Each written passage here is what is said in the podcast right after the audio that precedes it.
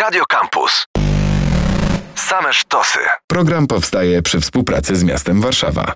Dwa dni zostały do rozpoczęcia nowego roku szkolnego. Dzisiaj w audycji będziemy y, próbowały przyjrzeć się temu, jak ten nowy sezon, mówiąc językiem miłośników seriali w warszawskich szkołach, może wyglądać. Z nami wiceprezydent stolicy Renata Kaznowska. Dzień dobry. Dzień dobry, witam Państwa. Przywołam dane, które już po zakończeniu poprzedniego roku szkolnego pani podawała. Wówczas w warszawskich szkołach było do obsadzenia 3000 wakatów, około. Jesteśmy dwa miesiące później. Czy udało się znaleźć tych te 3000 nauczycieli i jeśli nie, to kto te zajęcia, lekcje w szkołach warszawskich poprowadzi? Jak wynikało z arkuszy organizacyjnych majowych, 3300 y, y, nauczycieli nam brakowało. Myśmy zrobili badania ankietowe wśród szkół. I okazuje się, że ta liczba nam urosła. E, w tej chwili jest to 3595 brakujących nauczycieli i nauczycielek. E, więc bardzo duży skok. Ułożenie planów lekcji niezwykle trudne. Poszukiwanie nauczycieli wciąż e, trwa. Bardzo wiele wakatów obsadzanych jest e, dzięki wsparciu nauczycieli pracujących, którzy pracują na półtora etatu, pracują na dwa etaty, pracują w godzinach ponadwymiarowych. Mamy też bardzo wielu emerytów, którzy wciąż są z nami. To jest grupa ponad 5 tysięcy z 30 tysięcy warszawskich nauczycieli, e, którzy mimo emerytury są w szkołach i wciąż pracują. Zwiększyła się za to inna grupa y, osób, że tak powiem, zaangażowanych w edukację. Mam na myśli uczniów, których w tym roku jest y, więcej, ale y, to pewnie też wynika z obecności młodzieży pochodzącej z Ukrainy, która w warszawskich szkołach będzie się uczyła. Połączę te dwa pytania, bo pytam o to, ile rzeczywiście tych uczniów w tym roku w warszawskich szkołach naukę rozpocznie, ale też czy takie zasoby kadrowe mogą pochodzić z Ukrainy czy mogą to być po prostu nauczyciele ukraińscy. W tym roku w szkołach podstawowych uczyć się będzie w Warszawie 139 tysięcy uczniów, z czego ponad 12 tysięcy to uczniowie z Ukrainy. W szkołach ponadpodstawowych 95 tysięcy uczniów, z czego 1800 uczniów to uczniowie z Ukrainy i 48 tysięcy to przedszkola. W sumie 282 tysiące, z czego 16 tysięcy 800 osób to uczniowie z Ukrainy, więc olbrzymia liczba, duże miasto. My korzystamy z pomocy kadry z Ukrainy w takim zakresie, w jakim jest to możliwe i dopuszcza polskie prawo. Dzięki wsparciu Polskiego Centrum Pomocy Międzynarodowej mamy podpisane umowy i zatrudniamy ponad 200 osób. Są to głównie panie nauczycielki z Ukrainy, które pełnią funkcję asystentek nauczyciela. Y, w takiej roli pracują, pomagają w przedszkolach, pomagają w szkołach, tam gdzie jest największa liczba y, uczniów z Ukrainy. Mamy szkoły, gdzie ta liczba przekracza nawet 100. Pomagają nam również w centrach edukacyjnych, które tworzymy do nauki zdalnej. Y, znakomicie pani się sprawdzają, są świetnym wsparciem dla dyrektorów, dla nauczycieli, ale również dla uczniów. Pracują w roli asystentów.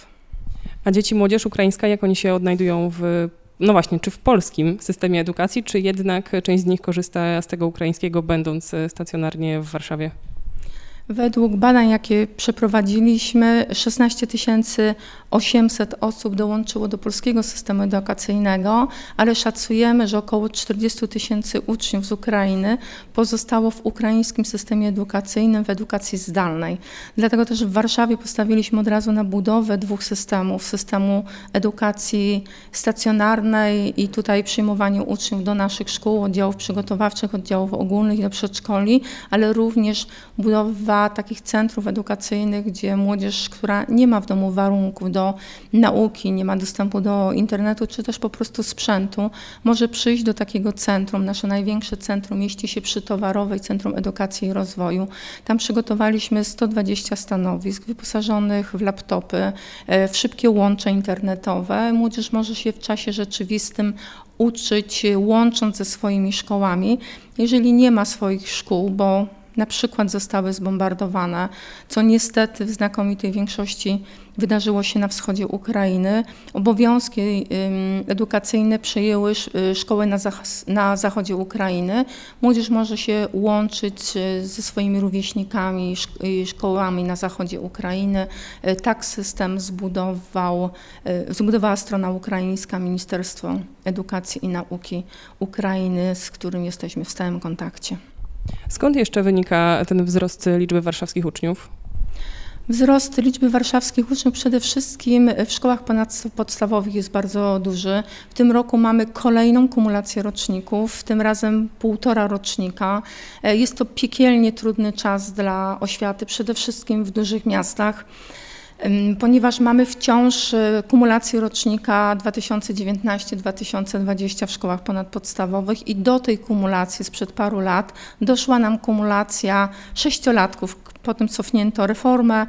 E, dzisiaj, e, wtedy sześciolatkowie, dzisiejsi uczniowie klas ósmych wchodzą do szkół ponadpodstawowych. Półtora rocznika, które przełożyło się na w Warszawie prawie 29 tysięcy uczniów w jednym roczniku. Średnio mamy około 18-19 tysięcy, w tym roku 20, prawie 9 tysięcy uczniów w klasach pierwszych, ale to, co też istotne, i trend, który obserwujemy od kilku lat, bardzo wielu uczniów w szkół ponadpodstawowych przyjeżdża do Warszawy, przede wszystkim z metropolii warszawskiej. Ta liczba, ten odsetek rok do roku rośnie. W tym roku jest to 34%. Jeszcze parę lat temu w Warszawie uczyło się około 27% uczniów spoza Warszawy. Myślę też o innych czynnikach, które mogą znacząco wpłynąć na przebieg nowego roku szkolnego. Wciąż jeszcze COVID, który nie wiadomo właściwie w jakiej skali powróci do szkół i jak będzie wpływał na ich pracę, ale też podwyżki różnego rodzaju, czy to cen prądu, czy to cen gazu, jak to będzie wpływało na edukację warszawską, podejrzewam też nie tylko. Musi wpływać i to w sposób bardzo znaczący, dlatego zwracamy na to uwagę podczas spotkań samorządowców z rządem w ramach Komisji Wspólnej Rządu i Samorządu. E, inflacja nie dotyczy tylko gospodarstw domowych, dotyczy absolutnie wszystkiego. W sposób niezwykle intensywny mm, oddziałuje na oświatę, bo mamy 800 placówek oświatowych. W każdej prąd, ciepło sieciowe, e, wielu gaz w, w kuchniach i tak dalej.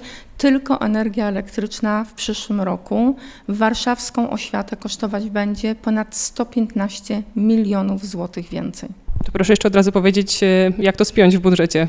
Czekamy w tej chwili na pierwsze przymiarki i budżet Ministerstwa Edukacji i Nauki. Zwracamy wyraźnie uwagę na to, co się dzieje. Przyszły rok dla Warszawy będzie rokiem bardzo skokowym, jeśli chodzi o wzrost kosztów bieżących w edukacji. W tym roku warszawska edukacja to jest wydatek na poziomie 5 miliardów 600 milionów złotych, najwyższa pozycja budżetowa w budżecie bieżącym miasta stołecznego Warszawy. W przyszłym roku wydatki w oświacie przekroczą 6 miliardów 200 milionów złotych.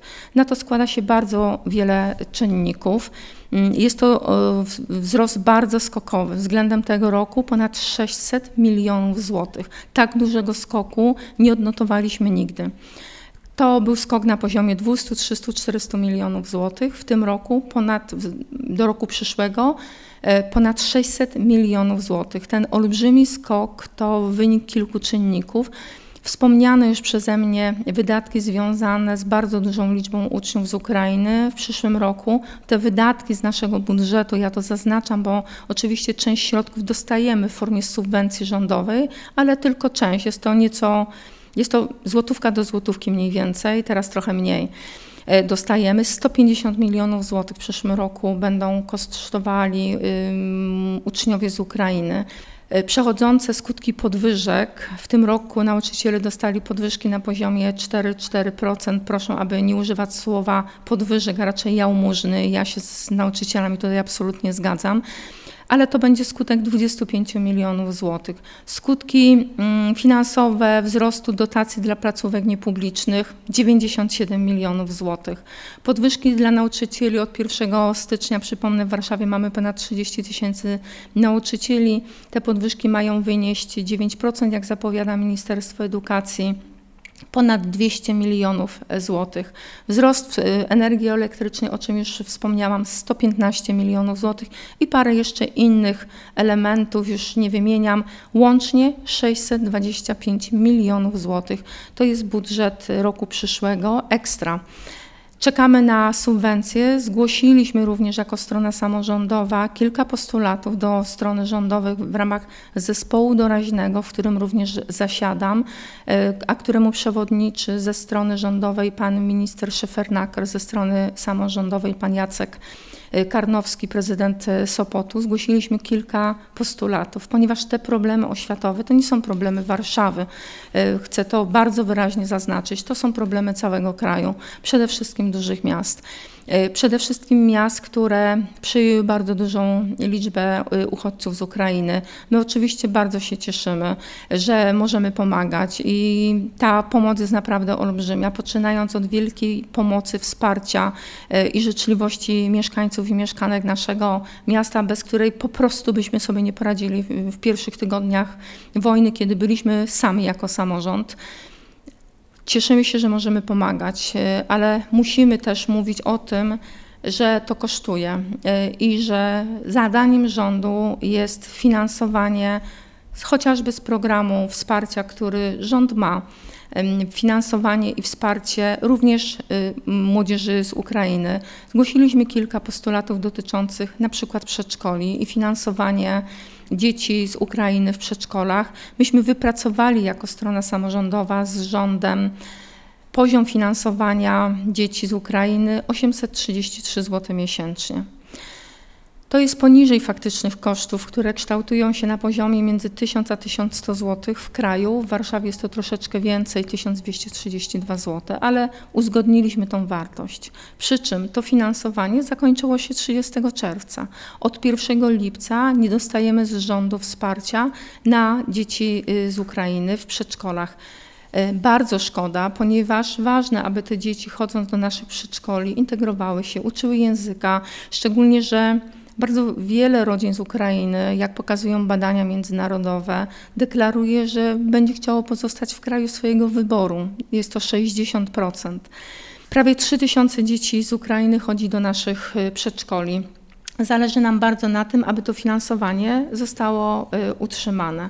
Kolejna rzecz to uruchomienie programu budowy i modernizacji placówek oświatowych w miejscowościach o największej liczbie y, uchodźców, zwiększenie finansowania. Warszawa ma największy program inwestycyjny od dziesięcioleci, jeśli chodzi o oświatę. W tej kadencji 18 szkół i ponad 30 przedszkoli. Naprawdę olbrzymia liczba, ale zważywszy na skokowy, olbrzymi wzrost liczby uczniów, to jest wciąż za mało. Prosimy o uruchomienie takiego programu, ale prosimy również o pomoc rządu w zakresie nauki zdalnej dla młodzieży z Ukrainy.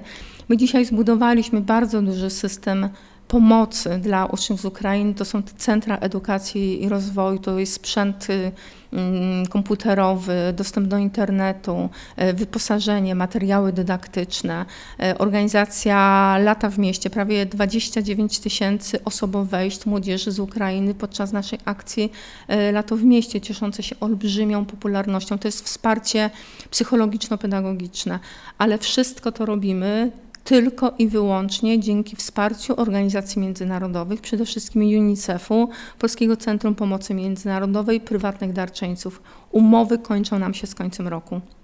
Pytamy o strategiczne działania i plany długofalowe. Chciałam jeszcze wrócić do y, nauczycieli, bo przez pewien czas samorządy mogły dopłacać czy też dofinansowywać nauczycieli w początkowych etapach awansu zawodowego. Czy to nie jest już możliwe w nowym roku szkolnym?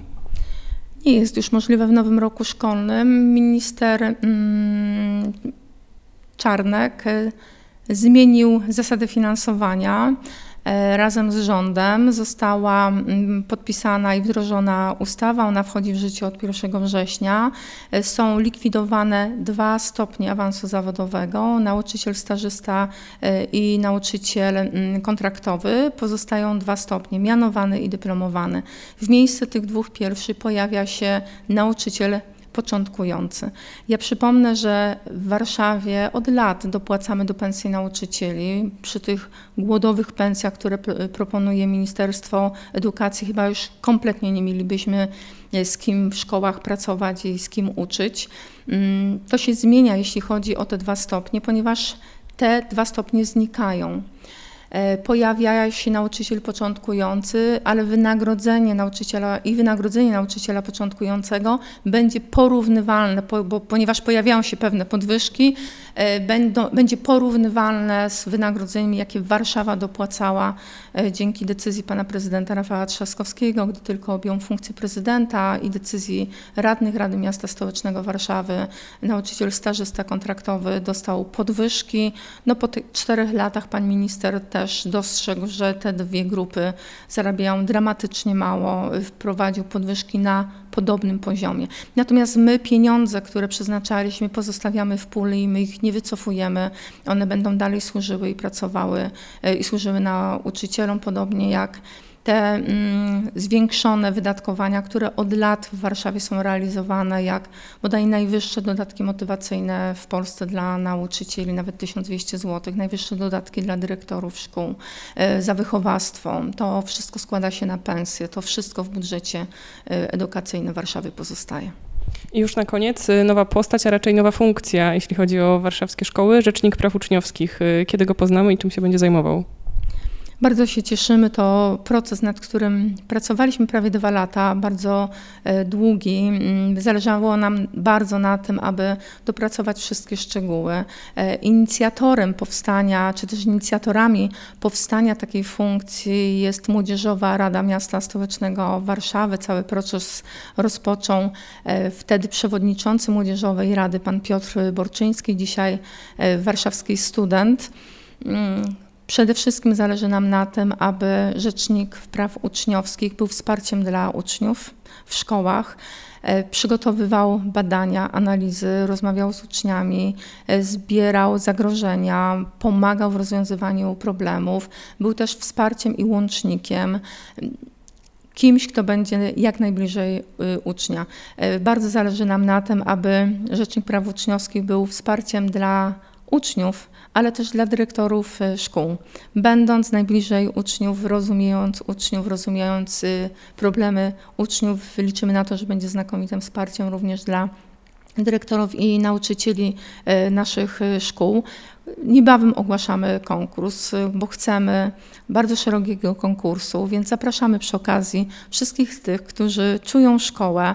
Zaraz pojawi się ogłoszenie mm, na naszej stronie internetowej w rekrutacji praca. Zależy nam na tym, aby to była osoba, która przede wszystkim czuje, rozumie szkołę, trochę zna szkołę. Jest bardzo szeroki katalog. Nam nie zależy na tym, żeby to był na przykład li tylko praktyk, y, y, prawnik albo li tylko e, nauczyciel, może to być psycholog, może to być e, socjolog, ktoś, kto mm, ma pewne doświadczenie, ale też nie oczekujemy doświadczenia dwudziestoletniego. Właśnie chcemy się otworzyć na e, młodych ludzi, to doświadczenie trzyletnie w pracy. Będziemy pomagać, do dyspozycji oczywiście biuro prawne e, Urzędu Miasta, e, do dyspozycji biuro edukacji, więc będziemy pomagać i wspierać Rzecznika Praw Uczniowskich. Zależy nam bardzo na tym, aby był jak najbliżej ucznia. Renata Kaznowska, wiceprezydent Warszawy, gościła w audycji. Bardzo dziękujemy. Dziękuję bardzo. Program powstaje przy współpracy z miastem Warszawa. Radio Campus.